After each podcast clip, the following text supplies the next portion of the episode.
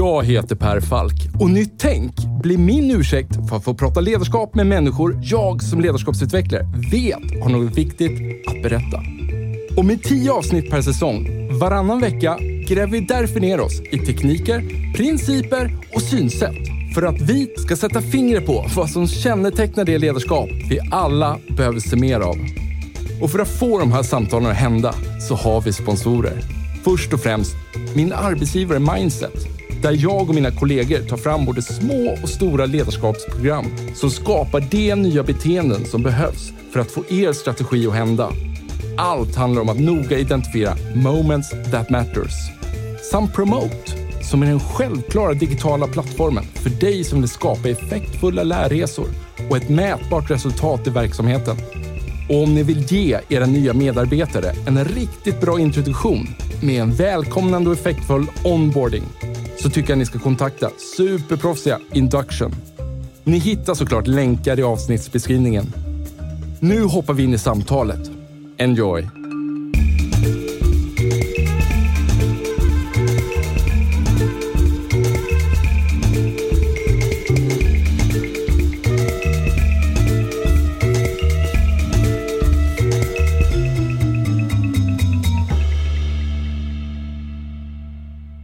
Den 1 oktober 2013 var min första dag som VD. Ett par veckor tidigare hade det knackat på min dörr. Utanför stod några kollegor. Frågan de hade var, kan du tänka dig ta över som VD på advokatfirman Lindahl i Stockholm? Det var en organisation på 140 personer. Jag var 51 år. I min bakgrund fanns ingen verktygslåda fylld med erfarenheter och bra ha-grejer kring management i allmänhet och ledarskap i synnerhet. Jag hade aldrig haft några VD-poster, inga förtroendeuppdrag i politiska ungdomsorganisationer, blev inte reservofficer i lumpen och fick inte heller plats som scoutledare. Halv fyra samma dag klev jag in i advokatfirman Lindahls stora sammanträdesrum på Mäster Samuelsgatan för att hålla mitt första möte med de 23 delägare som var kvar på byrån. Med mig in i mötet hade jag min vaga idé om hur vi som organisation skulle utvecklas, men utan plan för hur det skulle gå till. Och vad värre var, jag hade ingen uppfattning om vad ledarskap var.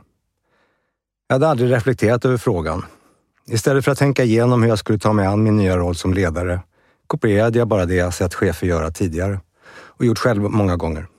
Jag satte helt enkelt ihop en powerpoint-presentation med siffror och några bilder. På en bild fanns ett berg med en Lindahl-flagga på toppen.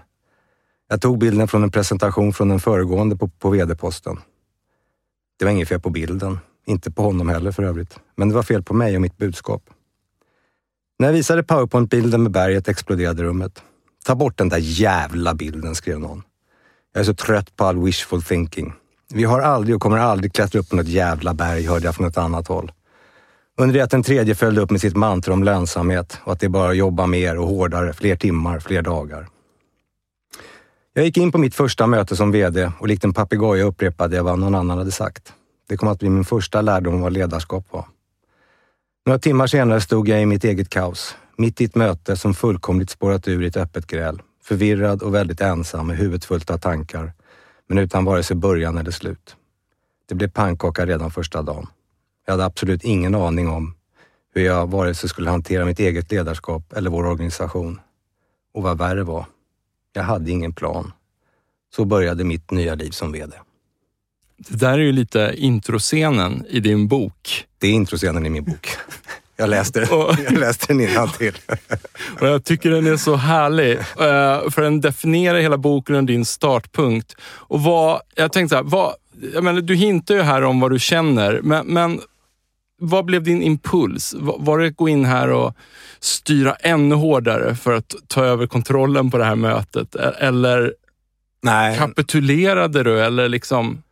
Nej, in, ingendera faktiskt. Eh, att gå in och styra, nej, nej det, det, det är inte jag. Eh, kapitulera, nej men det, det är inte jag heller. Utan det var bara en, en, en väldigt stor tomhet och en, en, en, ja, du vet lite grann så att man helt plötsligt står man i, i dimma ute i skärgården ja. och jag måste ta mig hem. Men jag vet inte hur jag ska, jag vet inte åt vilket håll jag ska gå. Ja. Jag, jag har ingen aning. Men jag måste lösa det här för jag har ju tagit på mig att lösa det. Ångrade du dig på något sätt? Alltså fanns det någon del av det som fasen, varför Nej. tog jag på mig den här vedbollen? Nej. Nej. Hur lång tid tog det innan du kände att du ville börja jag använder ordet slå tillbaka, men på så sätt att, att liksom börja liksom så här, ta, alltså ta ett större kontroll över eh, inte situationen utan liksom hela företaget och liksom börja tänka på, okej, okay, vad är det som egentligen behöver göras här på plats? Ja, men det visste jag från början för att vi hade, vi hade, en, en rätt, um, vi hade en väldigt bekymmersam ekonomisk situation. Ja. Så det visste jag att om jag inte reder upp ekonomin, då behöver jag inte fundera på någonting annat. För då är det över på den här advokatbyrån.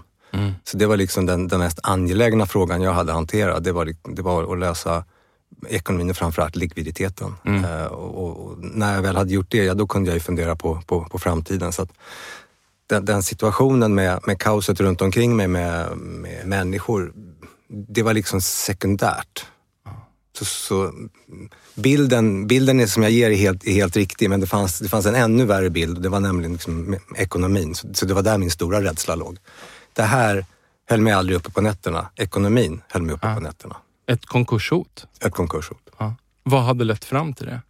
Och om man liksom då zoomar ut ett steg, var, varför, varför hade ni det här mötet och varför stod ni inför ett konkurshot?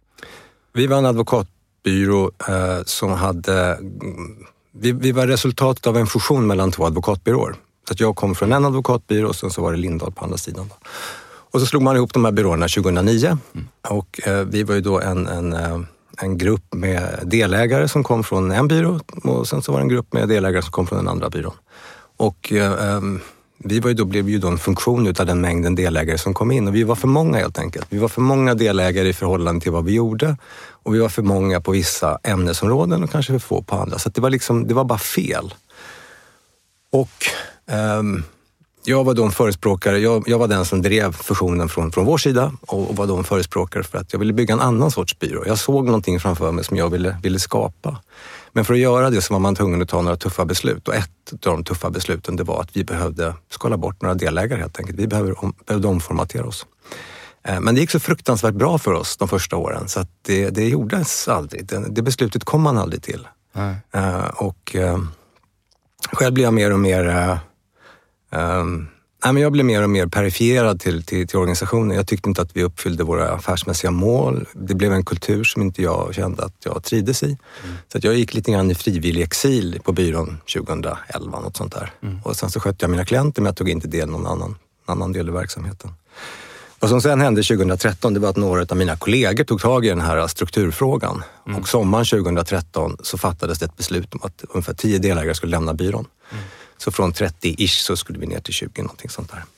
Uh, och, och, den här konflikten blev av den karaktären att den hamnade på Dagens Industris löpsedel, så det var där jag läste om den första gången. Där det stod om inbördeskriget på advokatfirman Lindahl. Men hur som helst, det är inte bara att säga upp delägare, för de äger ju en del av byrån, som svar på din fråga. Utan konsekvensen blir att de fick ju köpas ut, mm. uh, vilket innebar att vi fick lösa in deras aktier, så de skulle ha rätt mycket pengar. Mm. Uh, och vi hade inte det. Eh, och det var ingen som hade räknat på likviditeten, utan man hade ju bara tittat på vad som händer de närmaste två månaderna. Men likviditeten är ju någonting som kommer att biter dig i baken eh, efter ja. rätt många månader. Och det var det som hände med oss, att i maj 2014, då var pengarna slut. Då var checkkontot slut, eh, så då var det över. Ja. Så i den här öppningsscenen då, då på sätt och vis då är inbördeskriget över. Det är över. Eh, och, men ni står kvar då en skara där, men som kanske fortfarande inte är överens. Nej, alltså det, det... Om vägen framåt? Nej, det fanns ingen vision framåt. Nej. Det fanns bara att nu har vi gjort det här. Mm. Nu har vi tagit ledarskap. Nu har vi skickat iväg ett, ett gäng. Eh, nu har vi skalat ner organisationen. Mm. Eh, men vad man skulle göra därefter, det tror jag inte. Jag vet inte, men jag tror inte att man, man hade någon... Man, jag tror inte man hade någon idé om det. Mm. Och det var väl därför den här trojkan knackade på min dörr 2013 i, i september. Och ville att du skulle bli VD? Ja. ja. Var, samtidigt säger du att du tog en lite mer passiv då i det här inbördeskriget, en lite mer passiv roll. Du sa att du skötte dig själv här och hade hand om dina klienter och så vidare. Var det någon tyst protest då från din sida? Eller? Ja, den var nog inte tyst. Den var nog väldigt, väldigt tydlig. Okej, okay. ett budskap mellan raderna. Ja, jag, jag vill inte vara med. Nej, Nej, jag förstår. Du, om vi, så här, och nu, vi zoomade ut då till kontexten. Om vi zoomar ut ytterligare en gång då och så bara frågar vi bara Malcolm, vem, vem är du som person? Jag är född i Stockholm i Bromma. Jag är 59 år. Eh, jag är pappa till Fredrik och Sebastian som är 27 och 30. Jag är gift med Gita som är försvarsadvokat. Jag är gift med henne sedan 30, lite drygt 30 år. Jag läste juridik i Uppsala av en slump. Inte mm. Uppsala av en slump, men juridik av en slump. Mm. Det hade lika väl kunnat bli ekonomi. Konstaterade rätt snabbt att juridik var inte min grej. Jag tyckte inte det var roligt. Så jag började läsa ekonomi parallellt och konstaterade att affärer var mycket roligare än, än lagregler. Mm. Eh, så jag läste juridik och ekonomi i Uppsala. Sen så hamnade jag i Stockholm och eh, satt ting och träffade min fru Gita eh, som är ett par år äldre än jag. Och hon tyckte att advokatyrket var Guds gåva till mänskligheten. Så att när jag började bli klar på med min tingstjänstgöring så kom hon hem med en annons från en advokatbyrå som hon hade klippt ur. Och jag var nykär så att jag, jag väntade tills ansökningstiden hade gått ut och sen så sökte jag det där jobbet och blev kallad på intervju. Och träffade den person som skulle bli min mentor i min, min karriär, Anders Hessle som fortfarande är en nära vän till mig. Och ehm, så började jag där och konstaterade att det här med affärsjuridik, det passade mig alldeles utmärkt med regler och, och affär.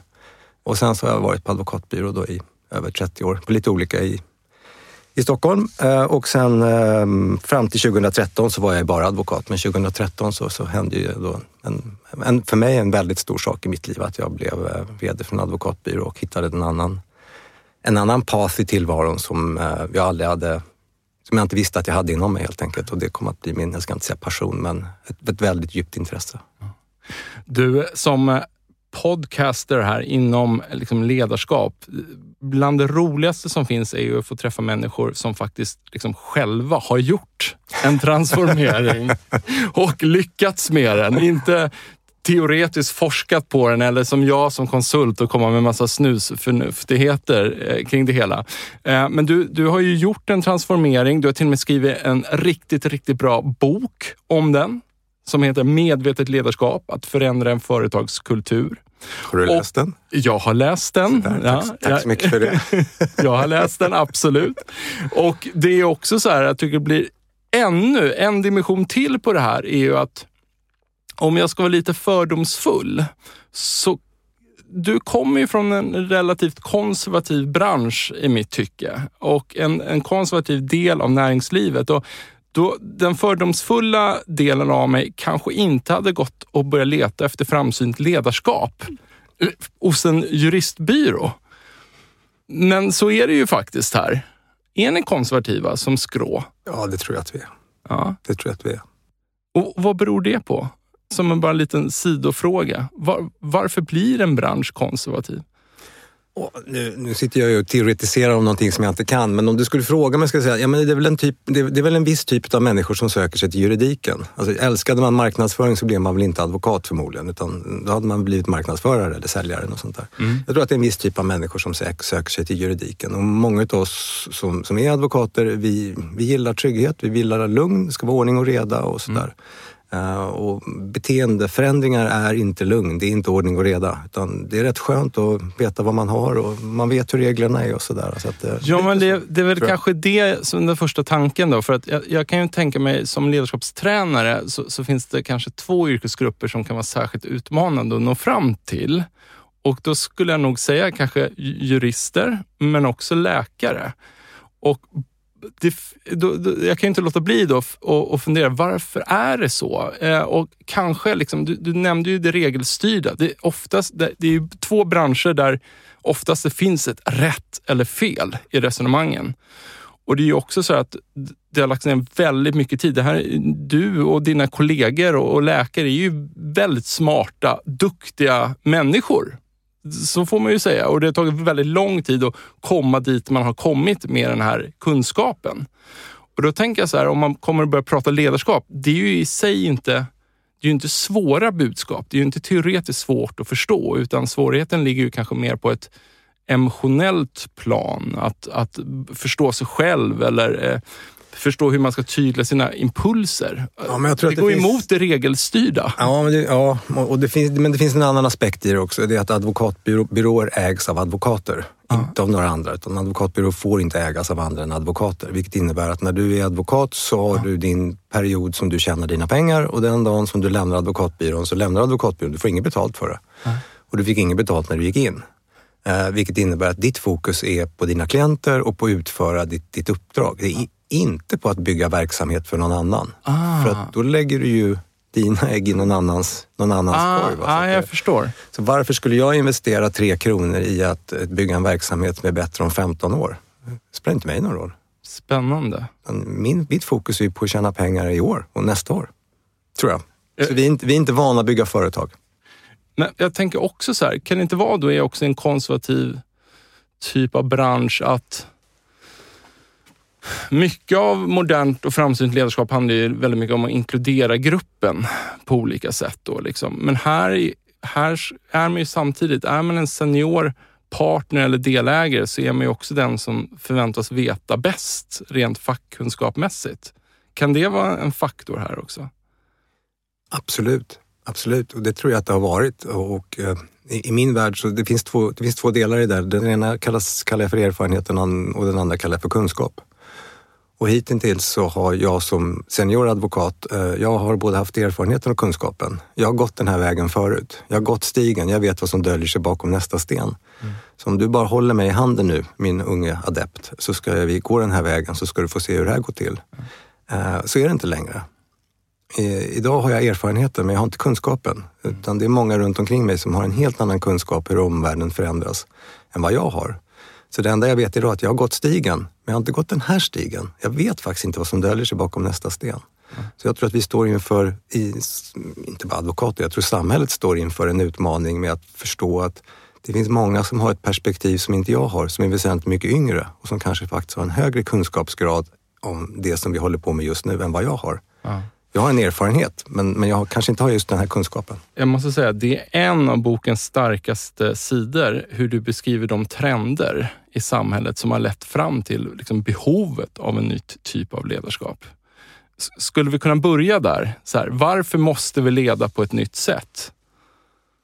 Jag har tre, det finns ju många makrotrender och mi- mikrotrender och, och återigen, ta det för vad det är. Jag är advokat och jag är praktiker. Det här är min bild av verkligheten. Det kan säkert finnas många andra bilder. Jag har tre makrotrender som jag har eh, varit efter. Jag har liksom åldrats, höll jag på att säga, eh, vuxit upp med. Den första makrotrenden slog mig när jag började på advokatbyrå. Jag ville inte börja på advokatbyrå. Hade jag inte träffat min fru hade jag aldrig blivit advokat. För jag kände att advokat, jag, nej men det passar inte mig. Den här hierarkiska strukturen, det passar inte mig. Jag vill inte in där. Ehm, Du, du var helt ärligt, när du berättade din självpresentation förut, det var min första tanke som dök upp. Kanske är det någon som, för att man ska kunna förändra, så kanske det är någon som egentligen inte hade tänkt att man skulle vara där från början. liksom. Nej men så är, det, så är det. Jag hade aldrig föreställt mig, jag visste inte ens vad advokat var när jag började på juristlinjen. hade inga idéer om att jag skulle bli advokat. Men eh, hur som helst, eh, en anledning till att jag eh, inte ville komma till advokatbyrå var att jag kände att jag har inte mitt liv till det priset. Jag vill inte arbeta på det sättet. Och jag tror att den makrotrenden som, en av de starkaste makrotrenderna är att eh, tidigare när jag var ung, då sökte man till advokatbyrå och var tacksam om man fick jobb. Idag är vi som advokatbyrå tacksamma om någon söker till oss och vi är jätteglada att kunna få ge människor jobb. Inte så att vi står med mössan i hand, för det är många som vill börja på advokatbyrå. Men, men de ser saker på ett annat, unga människor ser saker på ett annat sätt än vad, än vad, än vad vi gjorde. Vilket innebär att vi måste erbjuda någonting annat. De är, de är snarare köpare utav våran tjänst. Mm. Eh, Eller våran... Ja. Idé, idé verksamhetsidé. Ja, ja, ja, men, ja, men även kultur. Alltså, hur är det att jobba på en advokatbyrå egentligen? Ska man, Kan man ha familj? Och innebär det, om jag jobbar på advokatbyrå, då måste min fru eller make vara hemma. För man kan inte vara, jag kan inte ha barn om jag jobbar på advokatbyrå. Ja, Jag kan ju fysiskt ha barn förstås, men jag kan inte ta del av dem för jag är ju advokat. Nej, men du vet sådär att, som det traditionellt var på en advokatbyrå. Och jag sa, nej men vi är på väg bort därifrån. Om vi ska kunna konkurrera om de talangerna som vi vill konkurrera, då måste vi kunna erbjuda ett, ett, ett bra liv för de människorna som, som arbetar hos oss. Inte bara just idag, utan över tid. Och också, tror jag, våga ta ansvar för unga människors liv. För hur man än vrider och vänder på det, när man är som jag då, snart 60, om man har sprungit rätt länge i det här maratonloppet och jag kan se det ganska väl. Vad var det jobbigt och hur, hur löste jag de här frågorna och hur skulle jag ha löst dem idag? Många människor, unga människor är så otroligt ambitiösa och, och odödliga. Eh, Så man behöver hejda dem lite grann. Man behöver folla in dem så att de inte jobbar så jävla mycket, så att de också har andra saker i livet som de intresserar sig för, så att de kan bli en, en riktigt, riktigt bra rådgivare. Ja. För det är det vi är. Ja. Ser du några mer omvärldsfaktorer? Ja, det är den första. Den, den, den andra är, är, den som kom med, med datorn. När jag började på advokatbyrå så, så hade jag som eh, krav att jag skulle få en dator. Uh, och det trodde mina kollegor att det var för att jag ville, tyckte det var roligt att skriva, men det är för att jag är dyslektiker så jag kunde inte stava. Uh, så att jag hade ju listat ut att det fanns ordbehandlingsprogram och tänkte att det enda, enda ah. sättet för mig att överleva i den här världen det är att jag får, får hjälp med, med stavningen. Ah. Så då fick jag en, en dator, det fick jag gå ner på on-off på Kungsgatan och köpa själv med en Pirra. Och så installerade jag den där. Och där började digitaliseringen för mig på advokatbyråer. Och sen så har ju det som bekant bara ökat i hastighet och jag tror att det vi står inför nu med artificiell intelligens och big data och sådär. Alltså jag kan inte, om vi bortser från brottmålsjurister men tittar på, på affärsjurister så kan jag inte föreställa mig att våran verksamhet ska vara den enda som är fredad från digitalisering och artificiell intelligens. Jag är rätt säker på att inom 5 till 10 år så kommer vår verksamhet se väldigt annorlunda ut än vad den gör idag. Jag måste bara passa på att fråga, du nämnde din dyslexi här. Mm. Har du träffat andra jurister som har dyslexi? Nej, det har jag nog inte gjort. Nej. Jo, det har jag visst gjort. Ja. Ja, jag hade en biträdande jurist som var dyslektiker. För jag bara tänker, samma, så här, nu är jag bara mållåse på fler saker då, som skiljer ut dig. Så här, du vill inte ens börja. Eh, du är dyslektiker. Jag tänker så här, det är ju en väldigt, jag inbillar mig, det är ju rätt lästungt liksom, ja, att bli inget, jurist. Det är, ju en dålig start att vara dyslektiker. Ja, det är en dålig start. Ja. Vad var din bara studiestrategi? Hur, hur, hur har du tagit runt, dig runt din dyslexi? men jag, har alltid, jag har alltid läst mycket. Som, som, som barn läste jag mycket. Eh, så att jag, jag kodade nog om hjärnan som, som barn, som man säger att dyslektiker gör. Ja. Det jag aldrig lyckats varma runt är stavningen. Jag kan inte stava. Nej. Eh, så att, vare sig på svenska eller engelska. Eh, men, men läsa lärde jag mig. Men, men jag vet ju med mig att jag läser stycken. Alltså jag läser inte bokstäver. Ja. Jag läser stycken. Ja. Så jag kan läsa en bok och sen så ser jag filmen och ser plötsligt dyker upp en gubbe i den där filmen. Så jag, vem är det där? Det där namnet har jag aldrig hört talas om. Ja. Och så tittar jag i boken och säger, men det är ju huvudpersonen. Jag har bara inte läst namnet, jag bara tittar. Jag, jag har en bild utav, utav namnet. Men jag, Tänker du bilder? Tänker Mycket? Bilder, ja, jag bara bild. Grejen är så här, jag ska inte säga att jag är dyslektisk, för det är jag inte. Men jag har problem med stavning. Och jag har haft det liksom forever. Däremot, så, och min pappa är likadan, liksom, men, men jag är inte diagnostik... diagnostik vad säger man? du, du hör ju hur jag pratar.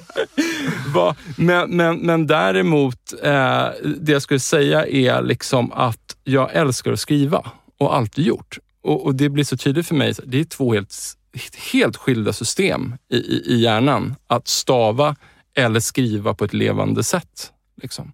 Och jag tänker också mycket i bilder. Jag fick, I grundskolan så fick jag, jag memorerade mycket. Mm. Det, det, var liksom det enda sättet mm. i, i, vissa fall.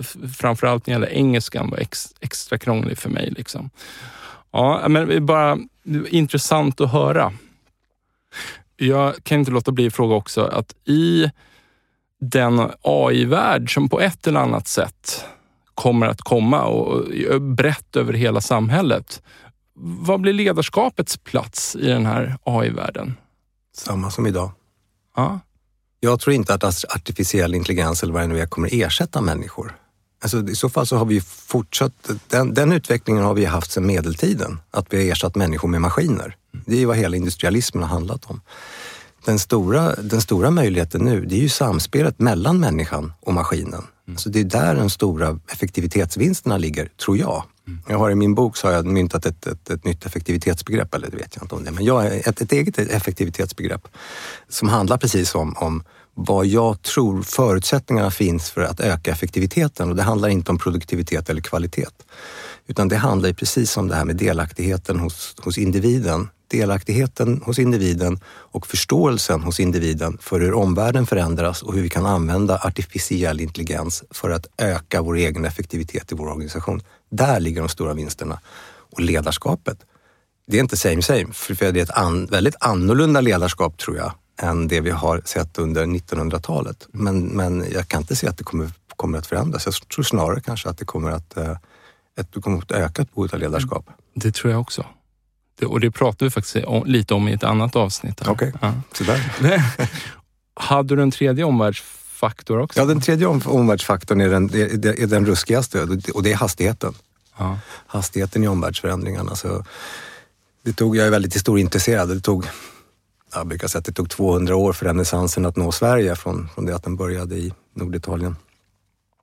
Uh, idag är vi nere i, i vadå? Uh, en månad? Uh, veckor? Eller? Så, under efter andra världskriget så, hade, så, så var vi nere i, i decennium. Alltså vi hade 50-talet med rocken och 60-talet med sexuell frigörelse, 70-talet med kollektivism etc. etc. Och det där har ju bara gått fortare och fortare och fortare. Och inte minst nu med, med, med covid där vi på ett par veckor bara ställde om hela samhället på ett mm. sätt som var helt otänkbart. Om du, hade, om du bara hade kommit med den idén innan, det var helt otänkbart. Men det gjorde vi. Men du har två, du har två omvärldsfaktorer. Du har, dels har vi den sociala förändringen, förändringshastigheten i de sociala systemen. Mm. Sen har du förändringshastigheten i de tekniska systemen. Mm. Alltså 2007 tror jag var som iPhone kom till Sverige och helt plötsligt så fick jag hela världens information i min ficka. Det är ju helt makalöst. Och nu är iPhone på väg ut. Med 5G så kommer vi förmodligen vara uppkopplade på ett, på ett helt annat sätt. Och det, det är liksom 10-15 år. Det är, bara en, det är bara en blinkning i, i tiden. Och de här två i mitt huvud, så samverkar de här två Eh, förändringarna. Så att hastigheten i den ena driver upp förändringen i den andra. Och sen så blir det liksom som, som, som slänggungar, så det går bara fortare, och fortare, fortare, fortare. Och de här tre omvärldsförändringarna gör i mitt huvud att vi måste organiseras på ett annat sätt, vi måste förhålla oss till medarbetarna på ett annat sätt. Men vi måste framförallt leda människor på ett helt annat sätt. Vad var det du såg på Lindahls menar, det, det, låter ju som att du hade gått och tänkt på er kultur, ehm, kanske inte bara inträffade under det du beskrev som inbördeskriget, utan du, det här är kanske varit en framväxande känsla hos dig, att ni måste jobba på ett annat sätt och du har hintat lite om det här också. Kan du säga någonting? Vad, vad vill du liksom mer specifikt ställa om i kulturen? Hur, hur funkade det innan? Hur ville du att det skulle funka? En jätte, jättebred fråga. Skojar du? nej, men, äh, äh, nej, men det var ingen ny tanke hos mig. Det var ju som jag sa, jag vill inte jobba på advokatbyrå. Nej. Jag ville inte det i början på 90-talet. För att jag ville inte jobba i den kulturen som jag tyckte att advokatbyråer representerade. Så det jag ville ställa om, det, det var framförallt så var det liksom den här hierarkiska strukturen mm. med, med, delägare som gick till egen matsal och sen så hade man eh, biträdande jurister och de var för sig själva och sen hade man personal och den var för sig själv. Mm. Så det var liksom, det var helt, jag ska inte säga vattentäta skott, men, men, men det var en väldigt, väldigt hierarkisk organisation mm. och där man, man arbetade man arbetar inte åtta timmar om dagen, man arbetar fruktansvärt mycket och man bränner ut människor och förutsättningarna att ha en familj och ha barn på en advokatbyrå när jag började. Jag var pappaledig 94. Mm. Det var ju unheard of. Mm. En affärsjurist som var pappaledig. Uh, och jag vill inte jobba i en sån värld. Utan jag ville jobba i en värld där människor är glada, trivs med livet, har familj, mm. uh, kan gå och hämta på dagis. Uh, så jag ville ha en byrå som, som där, där, jag brukar säga att en, en en grupp av människor, en människa kan vara vilken som helst som står vid en tunnelbana eller vad det är. Men, men, men ett, ett, ett, team, det är då en, en, en, samling med människor med kompletterande kompetenser som mm. jobbar tillsammans mot ett gemensamt mål. Så vill jag ha det. Mm. Så vill jag ha det på min byrå. Mm. Där vi jobbar tillsammans mot ett gemensamt mål, vi har respekt för varandra. Det kan vara så att jag är delägare, men ibland får jag gå ner i källaren när det blir stopp i maskineriet och så får jag gå ner där och rensa rören för att det var ingen annan som kunde göra det den dagen. Jag ringer inte in en kollega som är hemma. Nej, så gör man inte. Så vill jag ha det. Jag vill jobba ihop i ett lag. En annan fråga som jag bara kan inte låta bli att ställa, eh, som liksom bör formulera sig medan jag sitter och lyssnar på det här. När du var en yngre jurist, hur sågs du av dina äldre kollegor då? Jag var på min första byrå i eh, nästan tio år. Mm. Eh, det var en ganska liten byrå. Och en anledning till att jag hamnade på den byrån, bortsett från att min fru eh, skickade annonsen till mig, det var Anders som anställde mig. Vi hade väldigt parallella karriärer i Uppsala. Så på min anställningsintervju, jag, jag var väldigt, jag var väldigt spexa-intresserad i Uppsala, höll på mycket med spex. Och det hade han också gjort. Så på min anställningsintervju satt han och jag sjöng kupletter från gamla spex. Och då kände jag att, men fan, här vill ju jag jobba. Och Anders var väldigt fokuserad på sin familj. Mm. Så att en av de första gångerna som jag som jag satt och jobbade sent en kväll så kom Anders förbi mitt rum och sa, vad, vad håller du på med? Ja, men jag sitter här och jobbar med det här. Men sa det, det är halvdag idag. Vi slutade för fyra timmar sedan. Ja, men så jag är inte klar. Så du är färdig, så Du har en familj som väntar på dig hemma. Nu stänger du lampan och så går du härifrån. Och det var liksom en, för mig var det en väldigt annorlunda kultur på, på en advokatbyrå. Eh, så på den advokatbyrån så var inte jag udda. För mm. Anders var rätt lik lik mig. Så han, han blir min, min, men men på, på de byråerna som jag kom på därefter så var jag väldigt udda. Jag vågar inte använda ordet udda. Jo, jag men, men det var det som, som, precis som du förstår, var det jag fiskade efter. Eh, och, för, för det finns ju en jätteparadox här. Så att, då var du den udda fågeln, men ändå är du nu den som då liksom jobbar i framkant och driver en, en förändring inom skråt. Sistnämnda vet jag nog inte om jag gör. Det är ju klart du gör det. Ja, men nu avbröt jag dig där. Du sa att där var jag udda. På vilket sätt var du udda där då? Liksom? Nej, men på min, märk- min första byrå var jag inte särskilt Nej. udda. Nej, men, på, men du sa på, på de andra då, så, så kunde du se som lite udda. Ja, men jag, där, var, där var jag nog udda i termer av att jag hade bytt byrå. ehm, jag var vä- väldigt fokuserad. Jag, jag, jag, har, jag är väldigt målstyrd nu för tiden. Jag pratar mycket om mål, eh, vilket är rätt udda eftersom att tidigare i mitt liv så har jag aldrig haft några egentliga mål. Utan det enda målet som jag har haft är att jag har haft en väldigt bestämd uppfattning hur jag vill vara som pappa. Det har varit väldigt viktigt för mig. Eh, och även, även, även som make, men särskilt som pappa. Det var jätteviktigt för mig. Så jag tänkte alltid att nej, men jag kan ta min, jag tar min karriär med, med styråra. Jag, ska, jag kan ligga mitt i gänget här. Det gör ingenting. Eh, men jag får inte hamna för långt bakom. För om jag någon gång vill öka takten, då ska jag kunna göra det. Men, men så länge barnen är små, då är jag pappa. Och sen är jag advokat på fritiden. Nej, inte riktigt så. Men, men det har varit väldigt, väldigt viktigt för mig och det tror jag har eh, det, det var udda. Alltså det var udda att ta pappaledigt 94 som delägare på en advokatbyrå. Ja. vi är ju liksom bara precis i början på vårt samtal. Ändå har ju ordet kultur här dykt upp flera gånger. Liksom den heliga graalen lite för mig. Och jag tycker alltid så här, det är svårt att prata om kultur. Eh, Vad är kultur för dig? kultur för mig, om, om, vi- om, om vi bara, nu bara förenklar det, så att vi inte jobbar med olika nivåer och liksom med, kläder och sånt där, utan vi, vi, bara försöker liksom göra något, något enkelt av kultur. Så kultur är för mig det sätt som två eller flera människor i en grupp förhåller sig till varandra över tid. Det är kultur. Och, och jag brukar ta exemplet familj, för det, vi började med den här mm, kaoset på, på, på Lindahl. När jag satte mig ner och funderade på vad, hur, hur ska jag ta mig vidare? Så, så blev min slutsats att nej men, vi måste lära oss krypa innan vi kan gå. Vi, måste börja kunna, vi måste börja prata med varandra. Och jag hade ingen erfarenhet utav, eh, som jag sa, jag har aldrig haft någon ledarskapsposition förut. Men jag har haft en roll som jag tycker jag har varit rätt framgångsrik med. Och jag var på den här för ett tag sedan och det, och jag var pappa. Eh, Så jag gick tillbaka till min familj. Hur gör vi min familj? Tänkte jag. Eh, Så ska vi göra här också. Eh, och för mig blev det då, vad är, vad är då kultur? Jag brukar säga att jo, det fanns en tid i ditt liv och förmodligen i mitt liv också, eller förmodligen i de flestas liv, när vi gick in och ut i olika kulturer. Och det var när vi var barn. Vi var hos mormor och morfar, vi var hos farmor och farfar, hos bästa kompisen, hos mamma och pappa. Eh, och vi gör alla ungefär samma sak. Vi går upp på morgonen, vi borstar tänderna. Det är väldigt få av oss som sover på dagarna, vi sover på nätterna, vi äter middag. Så va? Men vi gör det på väldigt olika sätt. Och I vissa kulturer så trivs vi bättre och i andra så trivs vi sämre. Du trivdes förmodligen bättre hos mormor och morfar eller farmor och farfar. Eller så? Eh, Och det är inget fel på dig. Utan det är bara det att eh, våra kulturer är olika. Och det är kultur för mig. Det är sättet som vi förhåller oss till i vår grupp över tid. För kulturen, är det en riktig kultur, är det en frisk kultur, så kommer den förändras. Jag brukar prata om klangbotten, så att kulturen i min familj har samma klangbotten idag som den hade för 20 år sedan. Men uttryckssättet är väldigt annorlunda. På vilket sätt? Mina barn är 27 och 30 idag. Ja, jaha, förlåt. Ja, Vi, vi, lever, vi lever på ett jag väldigt... missförstod det. Ja. Nej, men vi Ja. lever på ett väldigt annorlunda sätt idag än vad vi gjorde för 20 år sedan.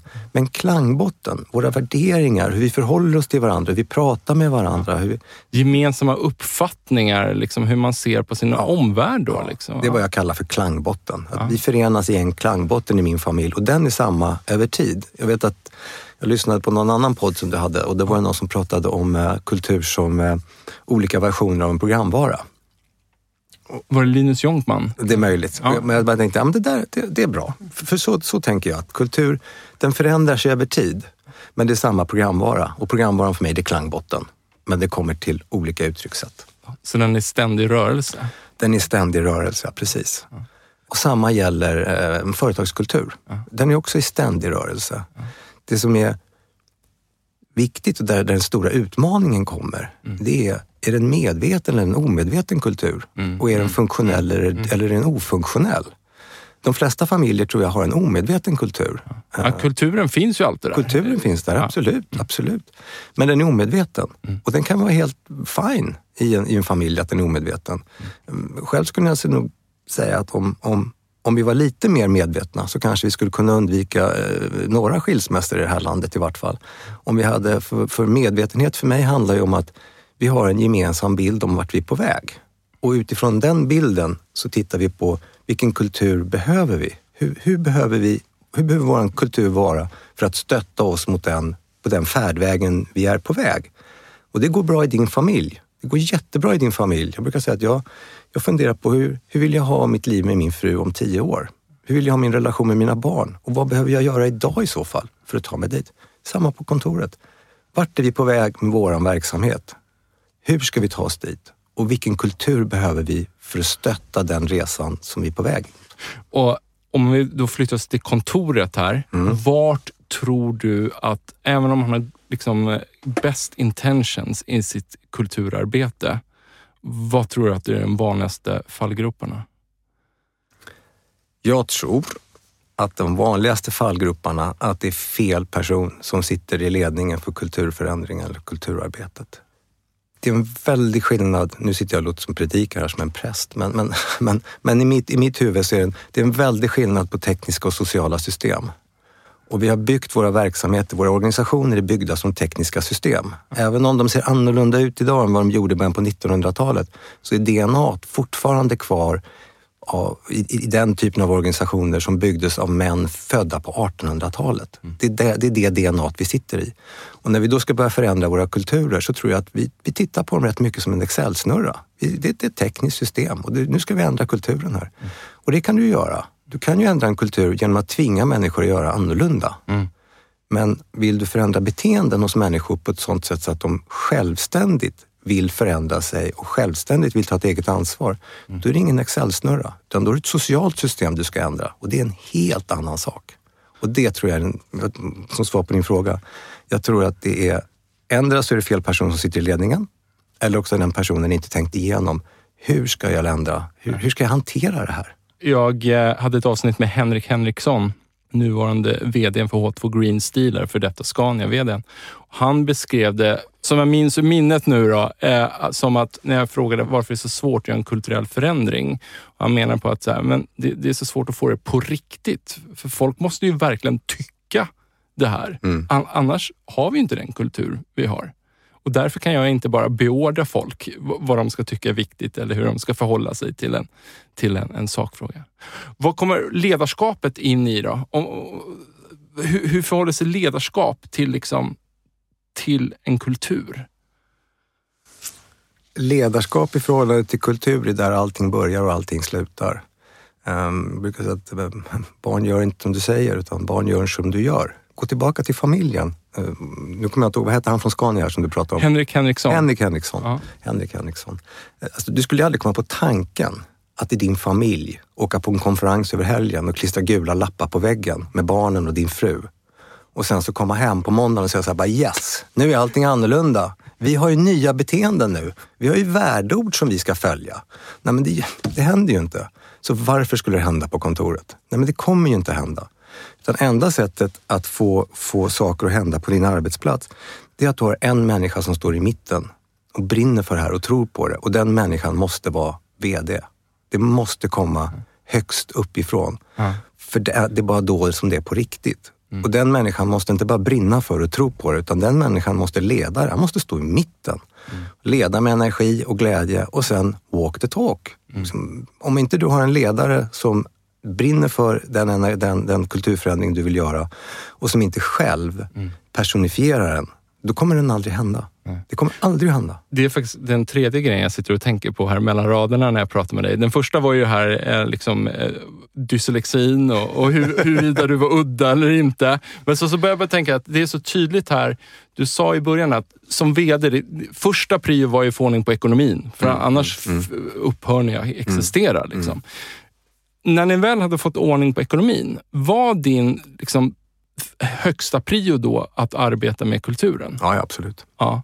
Och det tror jag är rätt unikt. För, för så här, i, det är inte så ofta i större transformeringar som vdn är så involverad och engagerad och ser på transformeringen på det sättet.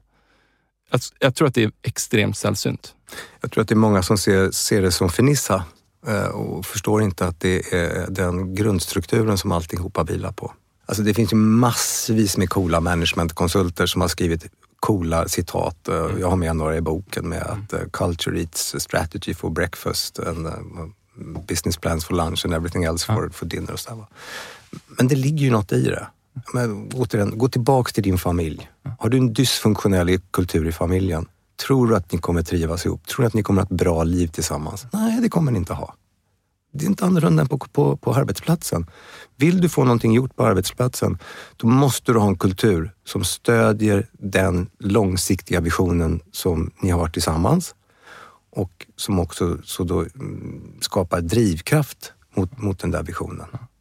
Du, innan jag bara, du ska få berätta om hur du la upp den här transformeringen. Eh, du, du, eh, ett annat citat som finns i din bok är från en man som heter David Marquet ubåtsbefälhavaren. Mm, mm, ja, mm. Det, nu är det så här, jag har ju ubåtsbakgrund själv. Jag har jobbat som ubåtsofficer. Har du? Ja, jag har aldrig träffat någon som vet vem David Marquet är. och det är en stor förebild för mig. Så, så, att så fort jag såg att han var med i din bok så, så, så, så hajade jag till ordentligt. Mm. Hur snubblar in i hans bok, Turn the ship around? Det vet jag faktiskt inte. Jag läste väl om det någonstans eller hörde någon som pratade ja. om det. Eller? Uh, han är ju då liksom, det finns ett jättebra TED-talk med honom kan jag också mm. rekommendera. Uh, där han berättar hur han jobbade med mer inkluderande ledarskap uh, på sin atomubåt. Mm, mm, mm. Och det, men det som inte riktigt framkommer där, jag menar, han, han gör den här klassiska resan. Han, han tar en, en eh, bottenpresterande, i, i ordets rätta bemärkelse kanske där på en ubåt, men en bottenpresterande eh, ubåtsbesättning som inte presterar eh, i när de har årliga certifieringar och så vidare. Och lyckas lyfta hela besättningen då till att vara liksom topp ett någonsin sen man började med de här evalueringsprocesserna då inom US Navy. Och, och det är ju fantastiskt. Liksom. Men det som inte riktigt framgår är att ur hans ubåtsbesättning, ingen annan ubåtsbesättning producerade så många nya ubåtsbefälhavare som tog över sina ubåtar. Så här, fantastisk resa. Ja, jag, jag, jag, ville bara få in det. Du, du är den enda som vet vem det är. Ja. Hörni, tack till våra sponsorer Mindset, Promote samt Induction för att ni tror på den här produktionen. Ta hand om er.